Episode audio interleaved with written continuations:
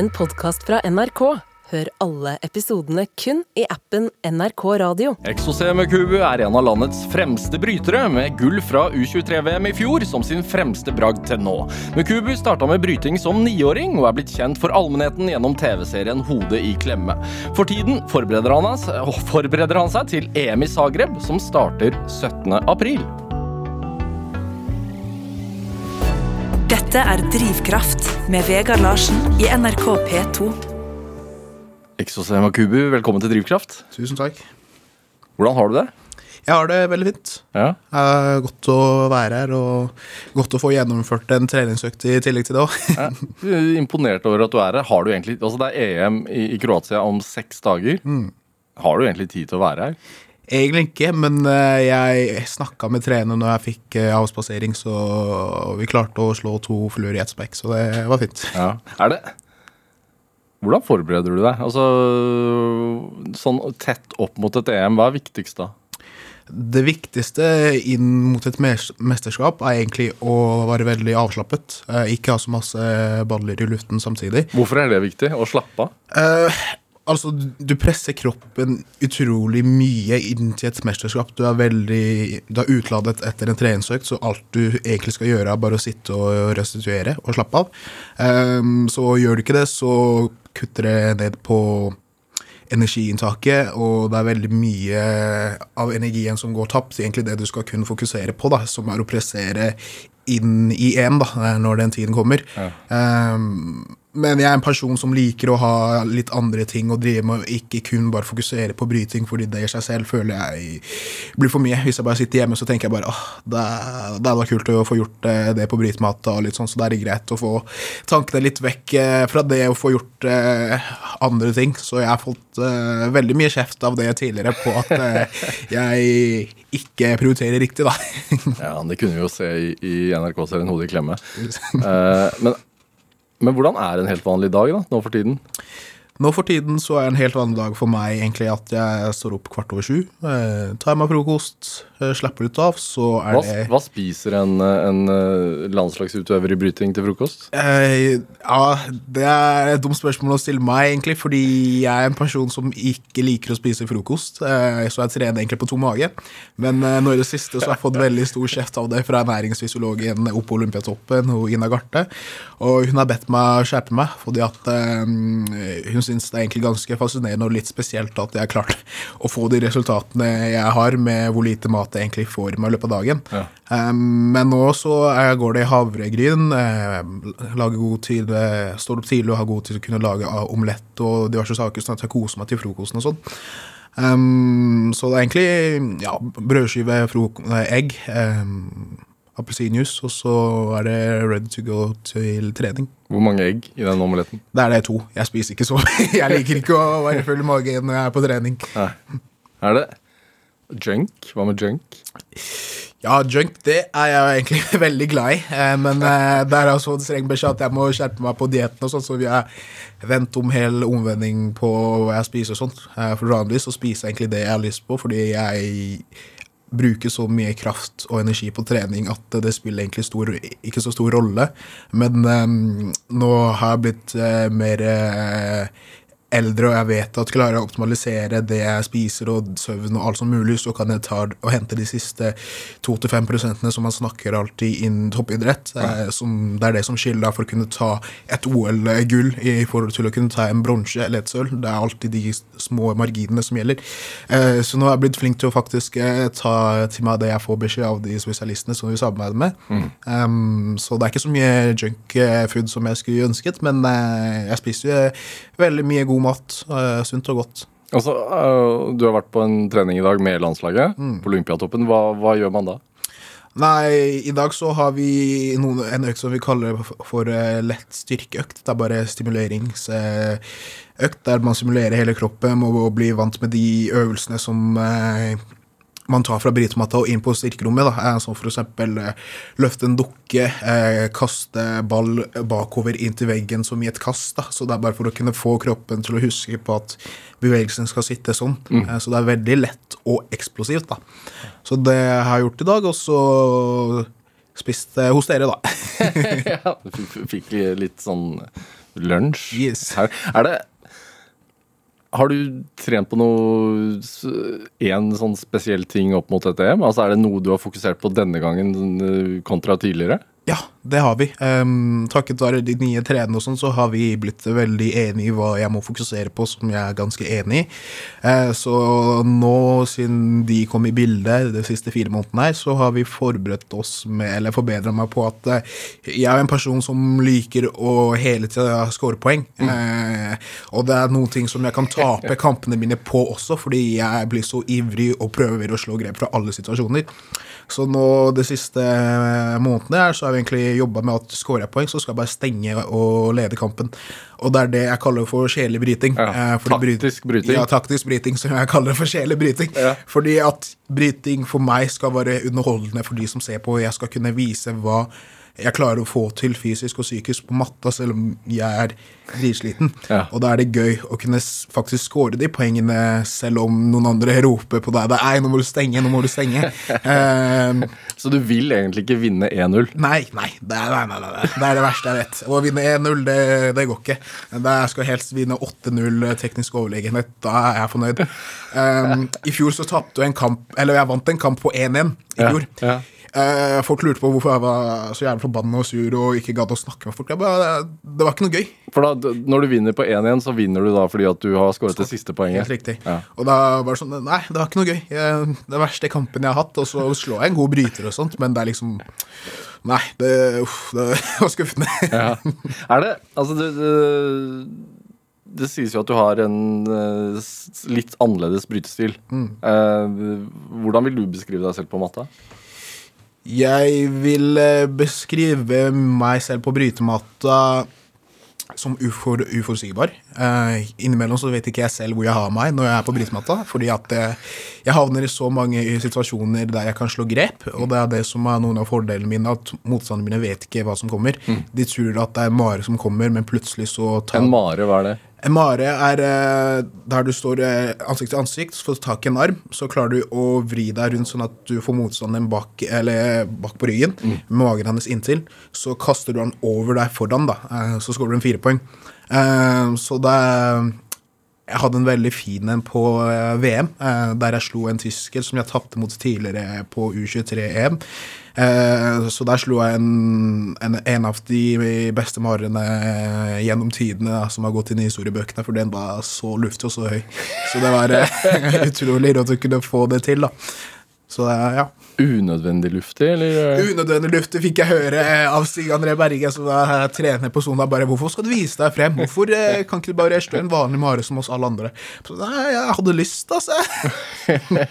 Men hvorfor er det viktig for deg? At, Altså- at det er et Hva skal man si et snev av noe uventa underholdning? Altså, det er veldig viktig fordi at du utvikler veldig mye. Eh, bryting Du vet jo aldri hvordan det går eh, når du går inn til en kamp. Eh, så for meg så er det viktig å kunne ikke begrense meg. Eh, jeg må kunne se mulighetene når de er der, og gripe dem, istedenfor å bare begrense meg til noe enkelt. Så vil jeg ha et stor, stort aspekter som jeg kan se frem til, og benytte meg av disse verktøyene jeg har. da. Mm. Istedenfor å bare si ok, jeg er god på det ene her, og det er det jeg skal fokusere på. Så jeg vil ha flere alternativer når jeg havner i disse ulike situasjonene. Når, når du går i, går i kamp, eh, så møter du da eh, en annen fyr på 82 kilo, da.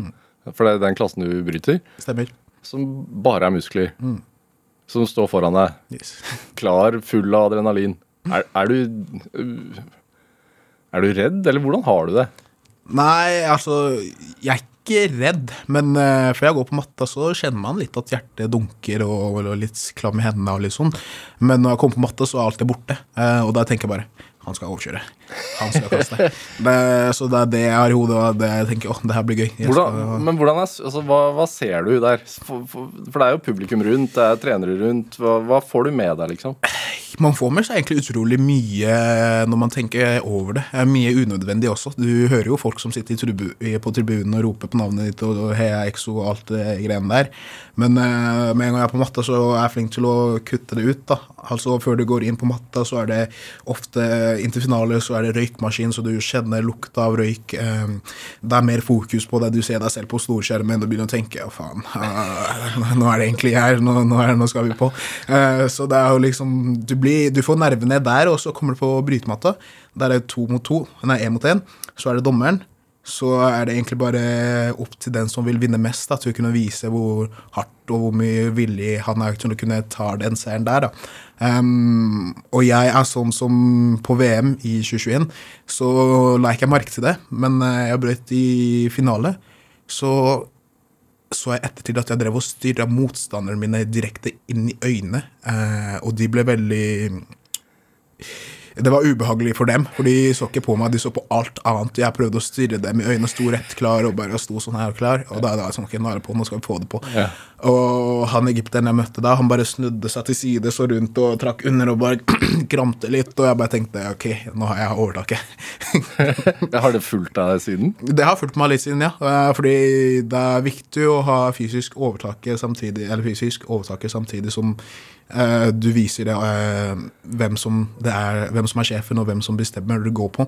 For du har du det, så har de allerede sunket uh, jeg vil si med 5% Da har du 5% til gode som går til deg, fordi at du har klart å psyke han allerede ut når ja. du er på matta ved at han blir nervøs og tenker han nei, må være sprø. Og da blir det kjapt en luftig mare, si. Det er helt riktig, det. Dette er Drivkraft med Vegard Larsen i NRK P2. Og i dag har vi landslagsbryter XOC Kubu her hos meg i Drivkraft på NRK P2. Det, øh, hvilke forventninger har du til EM? Forventning til EM har jeg egentlig å vinne gull på EM. Um, det er mange som sier at jeg er underdog, uh, og det er jeg for så vidt enig i. Hvorfor sier de det? Uh, fordi det er et seniornivå, og selv om jeg har gjort det bra i seniormesterskaper og sånt, og stevner, mm. så har ikke jeg helt tatt den store konstitusjonale mesterskapsmedaljen, som er da EM og VM. Eh, og det krever ufattelig mye. Men jeg har møtt mange av disse gutta som eh, har brytet i 77 og 82, og, og som er regjerende verdensmester og europamestere, eh, som er slått. Mm. Som har vært med i OL. Så jeg mener at eh, muligheten min til å kunne skinne er nå. Mm. Så derfor jeg sier at eh, på EM så har jeg en god dag, og alt går som planlagt, så er det jeg som står på øverst på pallen. Um, og det verste som kan skje, er at uh, jeg tar med meg medalje hjem. Det er jo bedre det enn å, enn å ikke ta med seg noe det, i det hele tatt. Så jeg lander jo på en måte på et bedre sted uansett hvor jeg plasserer meg. Ja. Uh, Vinner jeg gull, så er jeg veldig fornøyd. Da vi tatt et hårete mål som vi har satt oss i løpet av sesongen. Uh, tar jeg et medalje, så har jeg gjort det bedre enn det jeg egentlig kan på en måte kreve av meg selv. da. Ja. Uh, gjør det, går, går, Havner jeg under topp fem, så er det sånn Ja, hva skal vi gjøre? Da må vi ta og se på det, da. Um, så er det en strategi som jeg har gått for veldig nå mye i det siste, og det har funka. Så jeg ligger lavt, men sikter høyt. Mm. Jeg har sett på hodet i klemme, og der er tidlig i den sesongen, i sesong to der, så, så sier du jo også at eh, du vil ta eh, medalje i OL i 2024. Mm. Eh, som også blir sett på som et hårete mål. Mm. Hva, hva, hva, er det i deg som gjør at du tenker at alt er oppnåelig? Altså, det er jo, Hos meg så er det vel viljekraften. Jeg har gått gjennom utrolig mye, mm. og jeg vet at klarer du å stå i det og se på det langsiktige bildet, og sette deg mål i livet, så kan du nå disse målene her. Um, Ubegrensa hva du har av midler og verktøy. Um, fordi vi mennesker er sånn at jeg har sett en bikkje bak deg, uh, eller, en, eller en, helst, en, løve bak deg, mm. så, du, så, kommer du til å gjøre alt for å ikke bli spist av den eller bli jaga av den. Du kommer til å prøve å klatre i trærne og alt som mulig. Så jeg setter jo meg disse målene fordi jeg vet at legger jeg inn det arbeidet som kreves, og mer, mm. så kan jeg nå det målet der. Eh, så jeg prøver liksom å se bildet i et stort perspektiv, selv om det er ganske hårete mål, og folk pleier ikke å legge, legge målene sine sånn. Men du må kunne ha trua på deg selv at hvis det, hvis det, ikke er meg, hvem er det som skal ellers gjøre det? da? Så jeg skjønner meg selv såpass godt og er og trygg på det at jeg kan ta og si disse utsagnene. Eh, fordi jeg vet at eh, gjennom livet så har jeg vært gjennom først utrolig mye. Og jeg har, jeg har gått gjennom det og kommet ut eh, i helhet og ja, fått til ganske mye i en ung alder, da. Hvordan er det når folk tviler, da? Når folk tviler, så er det verste jeg vet, fordi det svikter Det går litt inn på meg selv, men samtidig så er det godt, for det er sånn OK, du har ikke helt trua, eh, og da er det ekstra digg å kunne vise dem at eh, Hva var det jeg sa? Ja. Eh, og jeg hadde en sånn situasjon med Stig André og Fritz, Altså de gamle ja, de gamle landslagstrenerne, der jeg sa til dem at vi hadde møte, som du nevnte selv. Hva er målet for sesongen? Så sa jeg OL, og så sa jeg da vinne VM. Og da begynte jo de å krante og bare OK, det jeg tror ikke det er så mange på landslaget som sier det, for det første. Um, så de var, tvilte jo veldig. Så for meg så var det sånn OK, de stoler ikke på meg. Da må jeg ta og gjøre litt mer ekstra og finne min egen måte å kunne bevise dem at stoler ikke på meg, så er det dette her du får tilbake. Um, du må ha tillit til meg, og jeg må kunne ha tillit til deg. Så det var utrolig digg å kunne bare sitte der og rundt med medaljen rundt. Så var det jeg som fikk alt her, for jeg gjorde jo arbeid og hadde ståltroa på meg selv. Ja. Det egne treningsopplegget ditt, hvordan bygger du ut det? Eh, Det egne eh, treningsopplegget mitt bygger egentlig på at jeg ser på det som har funka tidligere. Jeg skriver jo treningsdagbøker. Fra hvor tidlig da? Fra tilbake når jeg debuterte på landslaget i 2018. Eh, Jeg har skrevet treningsdagbøkene, så Og hva skriver du der? Der eh, skriver jeg ned hva jeg, hva jeg har gjort, eh, hvordan kroppen har kjent eh, hvordan kroppen har følt seg under disse treningsøktene, eh, og hvor, eh, hvor tungt jeg har kjørt, og hvor lavt jeg har faktisk klart å knekke kroppen fysisk. Da. Eh, altså hvor sliten jeg er, og hvor god utbytte jeg har fått av det i ettertid. Da. Så ut fra det så henter jeg disse dataene og legger en treningsopplegg. Så henter jeg ofte inspirasjon eh, fra hva de beste bryterne i verden. Hvordan da? Eh, Det er ofte på treningssamling. Eh, Der ser jeg hva de gjør etter trening, prøver ut av det, snakker med gutta, og så henter jeg det og på, på en måte prøver å bygge det til min egen eh, oppskrift. da. Fra de andre på landslaget også, eller fra Eh, Fra, fra de andre på landslaget, men ofte så henter jeg fra utlandet, for det er utlandet som det, altså det beste nasjonen i bryting som jeg henter mye inspirasjon fra. Og så har jeg en bulgarsk trener som heter Boso, som har fulgt meg siden jeg kom til Tønsberg. Eh, og han har da vært et, uh, trener for uh, blant de beste kvinnelige bryterne i verden. Uh, så han har også en del i treningsboken sin som fungerer veldig godt. da. Så da henter jeg litt derfra, og så setter jeg det til min, til, noe som passer meg. da. Og derifra så bygger jeg bare en treningsplan som mm, funker, da. ja. Stoler du på andre? Ikke lett. Uh, skal du ha tillit til meg og jeg skal kunne stole på deg, så krever det utrolig mye. Ja. Um, igjen så har jeg vært gjennom veldig mye i livet, og det har gjort at jeg begrenser meg til hvem jeg stoler. Så det er ikke lett for meg å kunne åpne meg til hvem som helst. Men uh, jeg er blitt flinkere med det å senke skuldra og faktisk bare um, kunne gi folk litt mer tillit til meg, og til de også. Men Man kjenner sikkert kroppen sin best da, Ja, selv. Men du driver med isbading og sånne ting også, det er helt riktig. som du har funnet, ut, eller funnet på sjøl. Ja. Ja. Isbadingen eh, kom jo egentlig av det at når jeg bodde oppe i Vadsø, så drev vi og isbada etter vi tok badstue. Eh, og da så tok, gjorde vi det bare for moro. Eh, så har jeg utvikla det videre at i en brytekamp så har du utrolig mye press. Altså, du står der, du ligger under med to fire poeng. Ja. Du skal gjøre alt for å kunne hente de siste poengene, sånn at det er du som stikker av med seieren. Så jeg har tatt det over til å isbade der når du hopper i isen og setter deg ned, så alt du vil, det er å gå opp. ja. Men klarer du å takle det presset og få kontroll på pusten, og puste godt, være avslappa, koble av og tenke at ok, dette her skal vi klare, så klarer jeg så har jeg faktisk tatt det over til matte at vet du hva, selv om jeg ligger under med 4-0, så kan jeg fortsatt hente de poengene der. Ja. Det er ikke vanskelig. Um, jeg må bare jobbe hardt for det. Og det er ikke umulig heller. Um, muligheten er der, men jeg må bare ta og se og finne åpningene. Og så går jeg for det 100% når jeg skal gjøre det. Så Det er mental styrke, rett og slett? Så, Ja, mental styrke. Ja. Hvor lenge er du ute i sjøen, da? Uh, Utsjøen så er alt fra ett til tre minutter.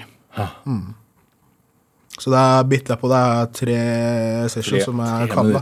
Så da er det ut i ett minutt, eh, eventuelt. Så, så, går, så går jeg ut igjen. Mm, opp i ca. to minutter, så går jeg ned i ett minutt.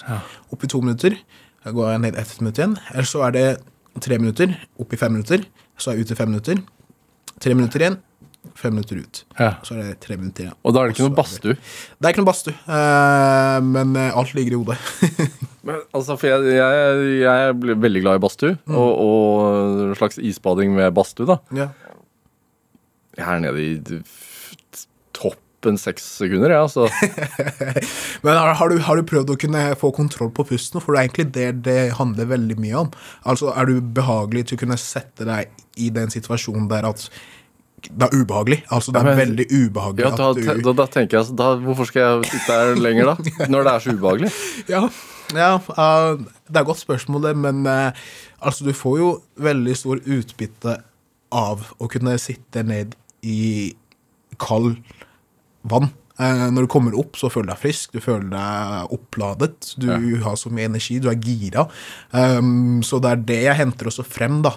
Men det er jo litt sånn smak og behag hvordan man velger å gjøre det. Jeg, jeg vil gjerne anbefale det til de som eh, vil prøve det ut. Starte kanskje ikke med ett minutt eller tre, men eh, starte kanskje med 30 sekunder. Og så bare prøve å få kontroll på pusten, og så gå opp igjen. Det er mm, veldig deilig og veldig godt å få gjennomført sånne mm, badstue- og, is, og isbading-sessions. Hvilke forhold har du til smerte? Fysisk smerte? Som gutta liker å si, er smerte er bare illusjon.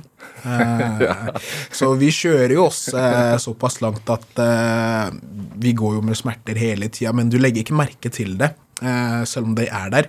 Så jeg har jo forstua finger og brista ribbein og vært på trening og bryte og sånt, eh, men med en gang noen tar tak i det, så kjenner jeg det. Ja. Men jeg prøver å ikke tenke på det, at jeg er skadet der eller har noe smerte der. Um, fordi du må uansett være på jobb, eh, selv om kroppen er, har vondt eller har kjørt seg. Ja. Eh, så smerte mm, Jeg har blitt veldig flinkere i det siste til å faktisk overbegå den smerteterskelen som jeg har nå. Altså, man kan lære seg å tåle mer Man kan lære seg faktisk å, tåle mer. Eh, det er ganske fascinerende. Eh, før så var det sånn Når vi har gubbe, som det heter, der det er jeg som står i midten, så har du tre ferske folk som står ut på matta og skal drive og bytte på å gå kamp 30 sekunder imellom. Ja. Sånn at de skal få kjørt seg så hardt. Så pleide jeg å knekke etter som to minutter. Eh, nå holder jeg en hel runde og kan gå med hendene over hodet og puste. Så det har liksom lært meg til å tolerere det smerte der at ah, det er litt vondt, jeg vil gi opp. Um, til at oh, ok, hm, tre minutter, det skal gå fort, kjøre på. Ta og gjøre de bevegelsene som jeg jobber med, og stenge litt, og jobbe litt sånn taktisk. Og så har jeg på en måte lært å tåle den smerten, da. Uh, så det er ganske fascinerende egentlig når man tenker på hvordan det fungerer. Ja. Hva har du lært om hva liksom, kroppen kan tåle? Altså, jeg tror folk egentlig undervurderer seg selv, for kroppen tåler utrolig mye. Jeg har belastet trening, i kroppen min nå i 13 år med utrolig mye mengde trening, som jeg ser eh, betaler seg ut nå allerede. Og jeg startet ganske tidlig med hardkjør, um, men utbyttene av det er så unik. Ja. Uh, fordi slutter jeg med bryting nå, så kan jeg på en måte gå inn i noe annet idrett og kan gjøre det bra der, så lenge jeg spesialiserer meg og på en måte går 100% på det. Som for eksempel? For, for eksempel friidrett eller eh, ja, amerikansk fotball eller noe lignende. Fordi jeg har hatt den Jeg har kjørt kroppen såpass hardt at det går ikke an å slå de trening brytene har. Nei. Eh, Bryting har rangert til verdens hardeste og tøffeste idrett å drive med. Så jeg ser alt annet egentlig en piece of cake, med respekt til alle andre som holder på med det de gjør. Men eh, det er ingenting som slår en brytøkt. bryteøkt. Nei. Men hvorfor gjør du altså hvorfor gjør du ikke det? da? Det er jo De idrettene du nevner der, det er jo litt mer penger i de. Ja, det, det er det, men hvis du tenker deg så En brytetrening gjør like vondt som å gå kamp på EM og VM. Ja. Eh, en friidrettsutøver kan gå og løpe rundt eh, uten å kjøre 100 eh, eh, når han må. Det, er altså Treningen deres har lagt opp til at de skal bygge det opp litt annerledes. Har jeg en bryteøkt, så skal jeg gi 100 for at den andre ikke skal kunne skåre poeng på meg. Aha. Og blir jeg slengt rundt, så gjør det vondt som det gjør på EM eller VM. Eh, og mengdetrening av det og belastning over en uke er utrolig mye. Jeg kan sammenligne med la oss si for eksempel Jakob Ingebrigtsen. Han, I bryting så går jeg eh, minimalt fem kamper eh, på første dagen eh, for å kunne ta meg videre til en eh, semifinale eller finale. Ja. og så er det en til kamp eh, dagen etterpå. Jakob Ingebrigtsen må da løpe seks 1000-metere for å kunne komme seg til en finale. Tror du da han hadde prestert som han gjør nå, eh, med å løpe de fem eller seks 1000-meterne for å komme seg til finalene? Jeg tror kanskje han hadde gjort det, men mest sannsynlig ikke, fordi han, han må ta seg helt ut for å komme seg dit. Ja. Og det krever utrolig mye. Ja. Er du Blir man avhengig av den hva skal man si, smerten og den kontinuerlige utfordringen? Ja, jeg, er det. Jeg, vil si det. Det er mange gutter også som er egentlig veldig behagelig i den smerten som når vi står i det. Eh, fordi det er bare noe med at du kjenner at Oi, jeg lever så utrolig deilig og heldig jeg er som får lov til å kunne slenge folk i bakken og bli slengt i bakken og kunne få den smerten her. Men eh, ja, det mm, Jeg vil si det. Hva er, hva er det beste med det, da? Det beste er med at uh, Altså med sporten, liksom? med sporten er det at vi får reist til steder som folk ikke uh, ofte reiser til. Vi bygger nettverk, vi blir kjent med folk, vi spiser mat. Og så er det på en måte som å være på tur med en eh, guttegjeng. da, altså Etter mesterskap og sånt, så drar vi ut på byen og koser oss her og spiser og gjør det sosialt. da, Så det er jo ikke bare trening det går i. Vi er ganske sosiale og vanlige mennesker som også vil leve et vanlig liv. Som har satt seg litt hårete mål og har en tøff hverdag ellers. Så mm, det er egentlig det hele den reisen eh, fra du står, på, står i et EM-finale eh, som er veldig gøy. Altså Ta medalje, det er bare bonus. Det er, det er bare sånne ting som kommer ekstra. Men det, det er den veien med trening og det slitet og faktisk nå det målet og bare si åh, så sinnssykt deilig. Jeg har gått gjennom alt der, og så har jeg faktisk klart det. Ja. Eller noen ganger dessverre ikke, da. Ja. Eller noen ganger dessverre ikke. Men da lærer du ut av det, da. ja, det er viktig. Eh, Exosem og Kubi, vi skal spille litt musikk. Eh, du har med en eh, Brenda Fassi-låt eh, som heter Vulu Endlale. Ja, Vulu enda. Ja. Hva, hva er dette for en låt? Det er en, en låt som jeg hørte på veldig mye når jeg var yngre og bodde i Kongo. Jeg assosierer den veldig mye med oppveksten min. Eh, jeg har vært veldig glad i å danse når jeg var yngre. Eh, så assosiasjoner rundt det er egentlig bare en storfamilie eh, som driver og ser på meg danse, og alle er med og heier og har det godt. da. Det er en låt som handler om å ikke gi opp og ha troa litt på seg selv, men samtidig kunne gi slipp på det man har av det gode. Ja. så låta der det synger om han eh, Brenda synger om en kar som skal gifte seg. Eh, som da folk sier at han er en løgner, men eh, han velger å ikke tro på det og bare åpner seg og viser liksom Altså gi slipp på det han egentlig har holdt i seg, til å ta det steget til å kunne gifte seg. Eh, og rytmen og ja, låta i seg selv og melodien er egentlig ganske frengende og veldig avslappende. Men når jeg hører på det, så assosierer jeg meg egentlig bare til meg, pappa, søsknene mine, bestemor, som sitter i stua i Kongo og ser på meg danse, og ja. Og det er mm, utrolig sterke minner.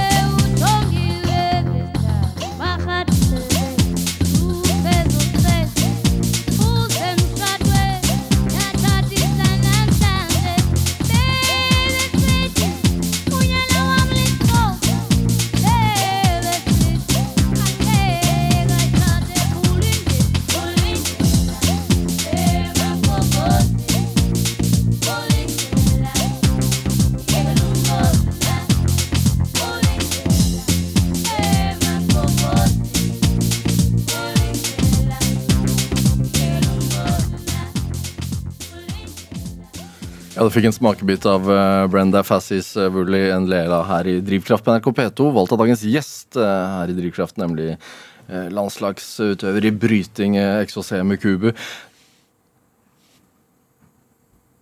Ta meg med altså, eh, Du sier at dette er en låt som minner deg om barndommen din i Kongo. Så eh, Kinshasa. Eh, ta meg med tilbake. Kongo i Kinshasa, det er blant det beste jeg husker fra barndommen og oppveksten min. Det er ganske fredelig og harmonisk enn det man forventer når man hører eh, om Kongo, som har hatt eh, sine problemer og sine kriser. Men ehm, ja, når vi bodde der, så gikk jo egentlig alt ganske greit. Vi hadde et fredfullt liv. Pappa jobba, mamma jobba. Vi søsknene hadde det veldig gøy. hvor mange søsken? Vi er fem barn. Ja. Så jeg er nest, nest eldst, og så er en storebror. Og tre, to yngre lillebrødre, og så er det lillesøstera mi som er yngst, da. Bodde dere i byen, eller hvor? Vi bodde litt utenfor byen. Eh, ikke helt i hovedstaden, men jeg tror det var sånn kvarter eh, fra hovedstaden. Ja. Eh, så det jeg husker best av minnene, er jo det at eh, om sommeren, eller det er alltid varmt da, men spesielt om sommeren, så pleide jeg å klatre opp på trærne, eh, hente mango, eh, avokado, ta det ned til familien, inn på kjøkkenet, rense det, skjære det opp, og så sprø litt eh, sukker eller salt på på avokado så var det ofte salt, men på mango så var det Nei, på avokado så var det ofte sukker, og på, mango så var det ofte salt. Og så fikk man litt sånn god smak eh, av både søtt og salt ja. når du spiste. Og det sitter ennå. Det husker jeg ser for meg bare klatre opp i trærne og bare ta ned mango, og så bare går jeg inn og skjære opp fruktene og dele dem med søsknene og de som var rundt. da. Ja. Så det er veldig Ja, det er gode minner som motiverer meg i hverdagen på når ting er tøft, at hvor langt jeg egentlig har kommet i livet. Ja. Hva, hvordan vil du beskrive familien, da? Familien eh, er en veldig sammensveiset storfamilie. Ja. Pappa har eh, De var tolv søsken Altså, altså hans familie? han, i hans familie. Ja. Hos mamma så tror jeg de er åtte. Ja. Så vi er en veldig storfamilie. Ja. Eh, og der er det sånn at eh, Og alle bodde i Kongo, eller? Ja, alle bodde i Kongo. Men eh, så har alle flytta ut da rundt 2000 og 19... Ja, 1919. Nei, 1990. Så var det mange som flytta utover, da. Eh, jeg har blant annet familie i USA, Canada, Frankrike. Uh, you name it. Vi er overalt. Så når jeg er ute og reiser, sånn, så liker jeg å besøke dem når jeg er på de stedene der de befinner seg. da. Ja. Husker du hva du drømte om som barn? Altså, Som barn så drømte jeg egentlig å bli som min eget forbilde, som var pappa. Ja. Eh, hvorfor det? Hva var det han eh, gjorde den gang som gjorde at du tenkte at du ville bli som han?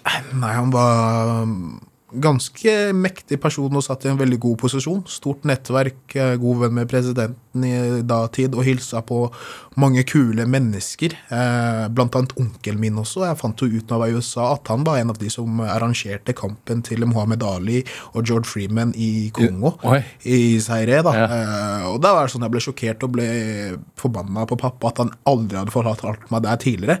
Rumble in the Jungle? Rumble in the jungle, helt Ja. riktig. Så jeg bare satt der og bare Hva i all verden? Og så har du ikke sagt det til meg før nå. Så vet du at jeg driver med kampsport, og Mohammed Ali er en av mine største forbilder. Og så sier du det nå.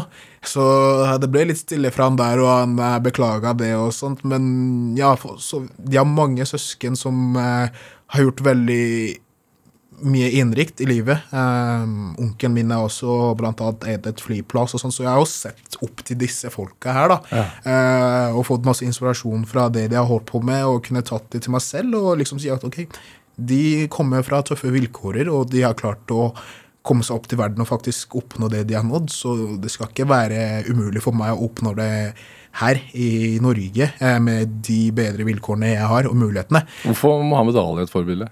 Mohammed Ali var et fordel fordi at han gikk imot det, um, strømmen, blant annet. Han Boksa på sin egen han måte. boksa på sin egen måte og gjorde det han følte for. Eh, og det er egentlig det som passer Jeg føler Eller kler meg litt igjen i han. At eh, føler jeg for at jeg skal gjøre det sånn, så er det sånn det skal være, da, på en måte. Han var ikke redd for å si ifra. Eh, blant annet det også med at han sier Han sa jo sånn at jeg skal bli verdensmester før han ble det. Eh, så jeg har henta litt av den samme Mad-Dogen fra han da, og inn til meg. Ja. Eh, og så er det bare blitt en ting, da.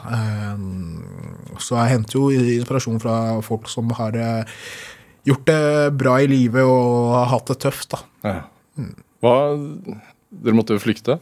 Ja, vi måtte flykte fra Kongo i 2009. Det var da fordi at pappa kunne få et eh, gjennombrudd i karrieren sin eh, som eh, diplomat. Ja. eh, eller innenfor eh, parlamentet som han jobba for, da. Eh, og det er to partier der da, som ikke gikk godt overens. da, så Det de fant ut, var at ok, pappa leda veldig godt an, og ting kunne gå mot han. Og han var sånn at eh, ting som kommer inn til gode til eh, Kongo, skal ut til eh, folka som bor der. da. Mens det eh, motsatte partiet var sånn nei, de vil gjerne beholde eh, alt til seg selv. Eh, Så han jobbet mot korrupsjon? han jobbet mot korrupsjon, og det var det ikke så mange som likte. Så det de fant ut at hvis de skal kunne beholde makten sin, og sånn som ting er, så var det best å kunne liksom å kunne kidnappe han og ta han bort. da. Ehm, og de gjorde det veldig brutalt og på en ekkel måte som jeg egentlig ikke klarer å sette meg helt til å forstå hvorfor man skal gå så langt. Men han ble kidnappa en dag eh, fra jobb. Uh, han ble kidnappa, og så vet jeg bare at vi ble vekt på natta samme dag. Mm. fordi at da hadde folk funnet ut at han var, hadde ikke kommet hjem og, og gjort de tingene han skulle gjøre eh, til tide. da.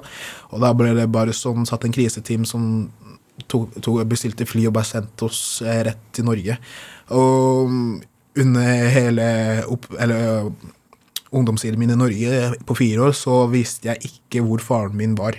Eh, så Om han var i live? Om om- var i live, om han levde, eller hvor han befant seg. Vi hadde ingenting. Eh, og det hadde ikke de som jobba med han heller. Så det er mange som ga opp, og, men vi, spesielt jeg, hadde trua eh, og, mente at han var i live. Så når man på, altså, rett og slett blir liksom røsket opp med røttene da, eh, fra en dag til en annen eh,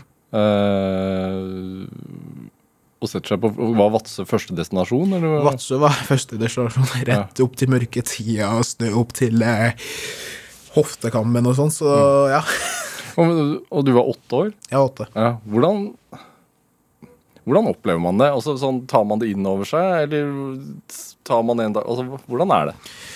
Eh, For vår del så var det så mye som skjedde, og vi var veldig usikre på hvor lenge vi skulle være der, vi barna. Vi visste ikke hva Norge var, egentlig, og hvor, var, hvor lenge vi skulle ikke. være der. Ja. Så for oss så var det sånn ok um, Vi må prøve bare å gjøre det beste ut av det, men vi sleit jo veldig mye med blant annet finne til rette, eh, få venner, eh, fordi at vi skilte oss såpass ut. Um, men det gikk over, det også. Men man, blir jo, man holder veldig mye tilbake, fordi man vet ikke. Først så er det en pappa som ikke er til stede, som mangler. Du får ingen informasjon fra moren din, fordi hun vet ikke som, hvor han er, og sliter litt med traumaene fra det. Ja, og nytt system og Nytt system, og du skal starte på skole, og du skal få hverdagen til å begynne å gå rundt igjen. da. Um, så for oss så var det veldig tøft eh, oppvekst for oss. Vi Ja. hadde en rollemodell som ikke var til stede. Eh, så mamma, alt kudos henne, tok eh, og vokste oss opp på en god måte. Og selv om vi var litt trøblemakere innimellom, men Dere var fem unger, da. Så det er vi, var fem unger og drev og eller, lekte WrestleMania på rommet og knakk sengebeiner og alt mulig som det var. Så utrolig sterk dame som har fått oss opp og frem. Ja. Hmm. Dere ble jo skilt fra hverandre også. Det ble vi. Um, det verste tidspunktet i livet mitt. Ja. Jeg, det er det verste jeg har vært gjennom i livet, egentlig. Ja. Det at pappa ble borte der, eh, det gjorde ikke det lett heller. Alt jeg ville, var å bare være med familien min, fordi jeg mangla allerede en person. Ja. Så vi ville bare holde den tryggheten og være en vanlig familie. Eh, Så vi ble fratatt fra mamma eh, når vi flytta fra Vadsø til Tønsberg. Så kom barnevernet inn i bildet, for de mener det, at det kom noen bekymringsmeldinger på at eh, Mamma klarer ikke å ta vare på oss, vi barna spiser ikke. Eh, Men det var det stikk motsatt. Vi spiste godt, og vi hadde aktiviteter som holdt på med og sånt. Eh, Men allikevel så mente de at det var nok for å kunne ta oss ut. da. Så vi søsknene ble tatt ut og så ikke hverandre på fire år. Så gikk det seks år før jeg kunne komme tilbake til eh, familien min. Og nå er det ikke alle som er hjemme heller. Vi mangler en lillebror, Gabriel, på, som fyller 18. Som fortsatt ikke bor hjemme, men bor i fosterhjem. Og det er noe som preger familien til den dagen i dag, da. Tilgir man samfunnet etter noe sånt? Hva sier du? Og så kan man tilgi samfunnet på noe vis etter noe sånt? Man kan jo ikke det, fordi det de har gjort, da, er egentlig bare å splitte og ødelagt en familie som har hatt det vondt, og vil egentlig bare eh, være sammen. Um, så jeg har jo ikke tilgitt barnevernet for det de har gjort, og de har jo heller ikke kommet og beklaga, for til slutt så fant de ut at avgjørelsen de tok for å ta oss ut, var feil. Det var alt vi fikk i brev når vi fikk returnere hjem, men vi fikk ingen beklagelse fra myndighetene på det. Uh, så det er jo utrolig trist og leit at det skal være sånn, um, fordi de kunne ha gjort det annerledes ved å kanskje komme inn i å hjelpe mamma hvis ting var så tøft som de mente, og se hvordan det var og sånt. Eh, men de gjorde jo ikke det. Og når du altså nå eh, representerer Norge med flagget på brystet og sånn, er det Blir det en motivasjonsfaktor å prate om det? Ja, eh, altså det blir en motivasjonsfaktor å prate om det. Selv om ting har vært tøft i barndommen, og jeg har opplevd det jeg har gjort, så har jeg det godt. Jeg mm, har en glede av å kunne representere Norge og de mulighetene jeg har, men samtidig så føler jeg meg svikta av systemet. Eh, fordi at jeg har gått gjennom såpass mye vondt at det var en periode der jeg egentlig ikke ville være til stede. Um, hvis man kan si det så godt. Og da var det mamma som tok og ba meg å skjerpe meg og si at det er en dårlig ting å kunne si, fordi at jeg hadde det såpass vondt at jeg bare Jeg ville egentlig bare sove og ikke våkne igjen, da. Og det, for hun, hun begynte å gråte og knakk sammen med at jeg sa det slikt. Og da når vi tok det alvorsprat der, så tok jeg meg sammen og sa ok, mm, jeg kan velge mellom å ligge her og ha det kjipt, eller så kan jeg velge om å stå oppreist og ta imot alt det som jeg får, og bevise folk at eh, selv om jeg har hatt det jævlig, så har jeg faktisk klart å få ting, ting i livet, da. Ja. Hvis man blir jaget av en løve, så løper man. Ja, Der løper du alt du kan. Jeg tror du løper fortere enn Usain Bolt. Men er det Har du vært mye sint? Jeg har vært veldig mye sint. Veldig mye sint og lukka. Jeg er veldig sta, så det hjelper heller ikke i alt det. Så jeg sier ikke ifra når ting er tøft. Jeg prøver å klare det på min egen måte, helt til eh, de nærmeste ser at det er noe som eh, er feil, da. Hvordan, hvordan kom brytingen i livet? da? Bryting kom i live egentlig ved det at vi drev og wrestla uh, WrestleMania, og så var det naboen som bodde under, som drev med bryting. Som kom opp og banka på. Hva er det dere eh, holder på med her? Hvorfor er det så masse tramping og hopping og sånn? I Vadsø? i Vadsø. Ja. Og så fortalte mamma hva som skjedde, og så sa han at vi driver med bryting og kan gjerne ta med barna på aktivitetene. Så gjorde de det. Og etter det så ble jeg bare forelska i idretten. Det var der jeg fikk tid til å kunne få ut sinna som jeg hadde bygd inn i meg, til å faktisk koble av.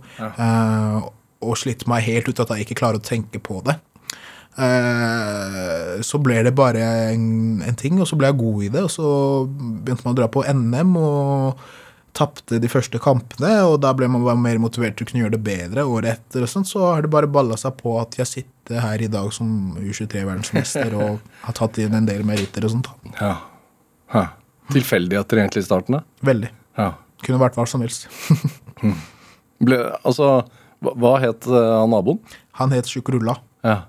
Og, og ble han altså en viktig del i starten? Han ble en viktig del, altså alle gutta fra Vadsø atletklubb og de som drifta klubben, var en stor, viktig del. Altså, vi følte at vi ikke passa sammen inn i samfunnet, så de tok jo vare på oss og ja, øh, vil si egentlig vi integrerte oss sammen og ble til øh, norske borgere, da, øh, egentlig. Eh, Så de visste også hvordan ting fungerte, og vi fikk litt mer eh, Hva skal man si? Det blir litt feil å si lysten på livet, da, hvis man kan si det sånn, men ja, vi fikk egentlig litt mer lysten på livet på å faktisk eh, prøve, enn å bare legge seg ned. Ja. Hva husker du fra den første treninga? Hadde du sett, hadde, altså hadde du, Visste du noe om sånn klassisk gresk bryting i det hele tatt? Nei, ikke i det hele tatt. Det var eh, Jeg visste ikke hva bryting var. Jeg har bare sett på WrestleMania, og det var jo Fant ut at det var Stikk motsatt. Stikk motsatt. Fant ut at det var fake og ble lei meg og sånn og engre. Men eh, det, fra første trening så husker jeg det var beinhardt. Det var akrobatikk. Og så var det kamper og teknikk, så det var rett på sak. Det var ikke noen myk eh, overgang. og sånt. Og som, som jeg sier, skal du være med på brytinga, så må du tåle å ha de vondtene å bli slått på fra dag én, fordi det er litt som, som det er, da. Man kan ha myk eh, og inngang inn til det også, men eh, jeg er vant til å bryte litt, så da valgte jeg å gå med de som var bedre og litt større, og man så fort til at jeg hadde em, jeg hadde noe der å gjøre, da, på en måte. Fordi jeg ga ikke meg like lett. Jeg prøvde, jeg fikk til ting veldig fort og lærte fort. Så bare ble det sånn. Ja. Det mm, Dere ble jo øh, sammen igjen som familie, bortsett fra lillebroren din. Da. Kjedelig å høre om det, men, men en dag så, så ringte også faren din. Yes. Det må, det må ha vært Altså Det var sprøtt. Det var ikke en telefonsamtale man venta på akkurat da. Eh, altså mm, En sommer eh, så ringer bare pappa i telefonen til mamma. Bare 'Hei, det er meg'. Hun forstår jo ingenting. Hun bare «Hm, 'OK, hvem er det her?' Eh, 'Ja, det er meg, mannen din'. Og så sier hun sånn 'Hæ?' Hun er i nærheten, og så bare klarer nå å innse det, så skriker hun, og jeg har et skrik som sitter i huet som jeg ikke klarer å glemme. Hun skriker så høyt at alle lurer på hva er det som skjer. Og hun har hatt omtrent de samme skrikene tre ganger, og jeg vet at hver gang hun gjør det, så er det enten noe vondt, fordi da er det ofte sånn at når bestefaren eh, når faren hennes døde, så kom det skrik også når hun fikk nyheten av det på telefon. Eh, og broren sin eh, døde, da fikk, eh, da fikk vi høre det skriket. Og så var det når pappa var i live, da kom det. Så det er litt sånn blanda følelse på om det har gått eller vondt, men det skriket sitter godt inni, og jeg klarer ikke å glemme det. Så hun skrek, og vi løp til henne, og så spurte vi hva er det. Hun begynte å gråte og klarte ikke å snakke, så tok eldstebroren min telefonen. Og så sa han hallo, og så fikk han høre at det var pappa og sånt. da. Og alle vi barna bare sto der og forbløst og bare Oi. Ja, han lever. Og var jeg letta og tenkte bare så deilig. Det var jo så vanskelig. Vi har hatt det uten å vite hvor det er, og fikk snakka med han da. Og så har vi Det var når Skype var veldig populært, altså da har vi snakka veldig mye på Skype og de andre Ja. Hvor mange år hadde det gått? Det hadde gått fire eller fem år uten noe livstegn fra han. Hvilke spørsmål stiller, stiller man seg da, når, man, når han ringer? Nei, det går så fort, og du vet ikke hva du skal starte med. Eh, Så egentlig så var det bare sånn der eh, Prøve å få tak i ja, hvor har du, har du vært? eh, Hvor har du vært? Han sa jo ikke alt, da. Det var først i fjor, når jeg gikk til han og jeg fikk besøkt han i USA. Da fikk jeg vite at han ble holdt fanget, ble torturert. Han ble banka, og så ble han bare løslatt. eh, Fordi at det gikk såpass tid at den regjeringen eller som kom inn, eller parlamentet som kom inn, de fikk det de ville. Eh, Så da var det liksom greit å gi han løs, da. Og da Utrolig så klarte han å, å overleve ved å gå gjennom alt det som han gikk, og det er mm, ganske fascinerende. Og det er det som er tatt til meg, så hvis han klarer det, så klarer jeg å sette meg disse målene og faktisk gjennomføre det, og gi alt jeg kan for å nå disse målene. Ble, ble du sint også? Fordi at han ikke har ringt før? Jeg ble veldig sint. Eh, det ble jeg. Fordi jeg sitter jo der med en følelse på at ok, han Enten så vil han ikke ha noe med oss å gjøre, Ja. eller så har han bygget sitt eget liv og gått videre i livet, eller så Ja, verste scenario det, da. Hvordan var det å møte han igjen? Eh, å møte han var et veldig sterkt og emosjonelt møte. Eh, jeg hadde en rockefot som gikk. Jeg klarte ikke å få kontroll på beina. Jeg måtte sette meg ned fort fordi at beina sto og rista. Um, jeg klarte ikke å snakke. Jeg gråt. Jeg Ja, det var Det er tøft. Hver gang den episoden fra hodet Klemme kommer, så må jeg skippe det. For det, det betyr så mye, og jeg gråter av det for hver gang jeg ser det. Der jeg faktisk får gitt han en klem etter tolv år. Så det er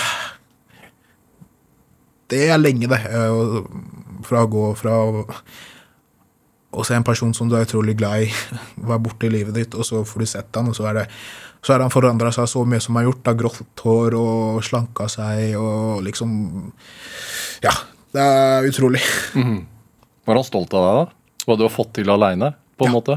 Han eh, sa at han er utrolig stolt over at jeg ikke ga opp og sier at ja, det ligger jo navnet, vi gir jo aldri opp. Så han um, han, ble, han ble veldig stolt. Han gråt med meg og klemte meg og trøsta meg, og vi fikk snakka og prate om alt og annet. Og jeg fikk svar på de spørsmålene som jeg trengte, mm. som har plaga meg. Og da var det egentlig Gud igjen fikk gå gjennomgått noen bilder fra barndommen og fikk snakka med masse familiemedlemmer som bor i USA.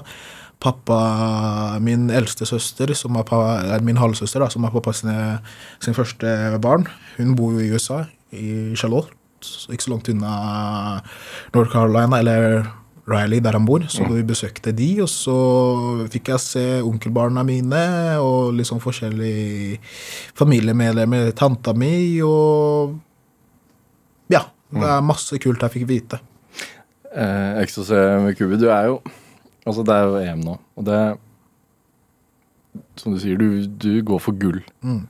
Men hva Jeg, veit at du ved siden av bryt, brytekarrieren også driver med en del virksomheter og er gründer og, og vil ha flere bein å stå på. Hva, hva er de sånn Hva er de langsiktige målene etter å bli verdens beste bryter? Ja, de langsiktige målene er jo det at jeg holder på å bygge et eh, livsverk nå, eh, som jeg kaller det.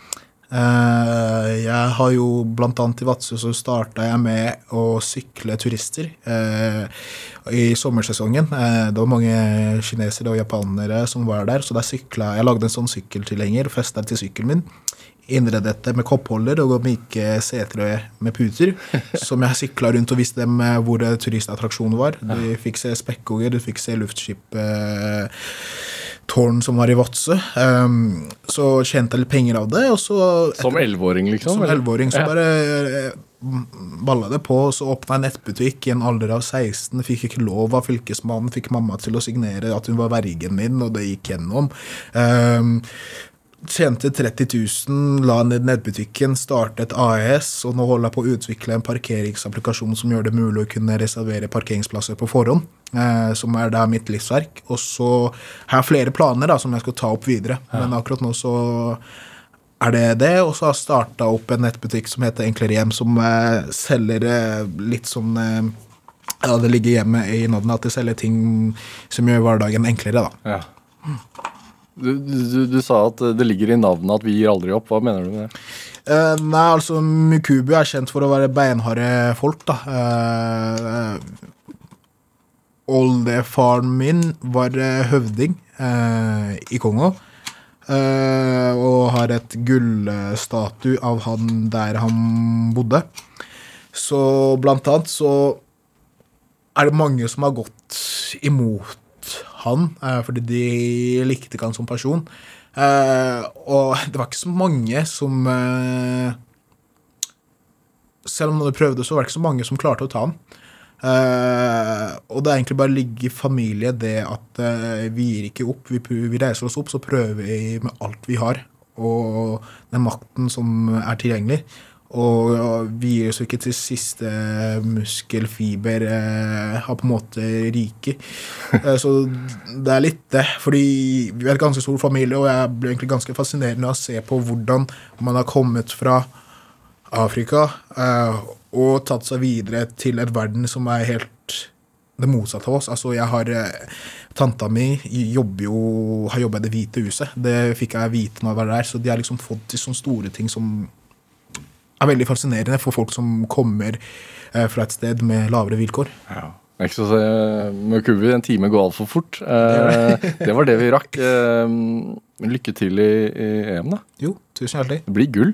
Det gjør det. Vi skal gå for det. Krige på. Ja, det er bra. Noen sånn høye Hva heter det? Høye kast. Høye kast. Slå krysstakk. Takk for at du kom til Drivkraft.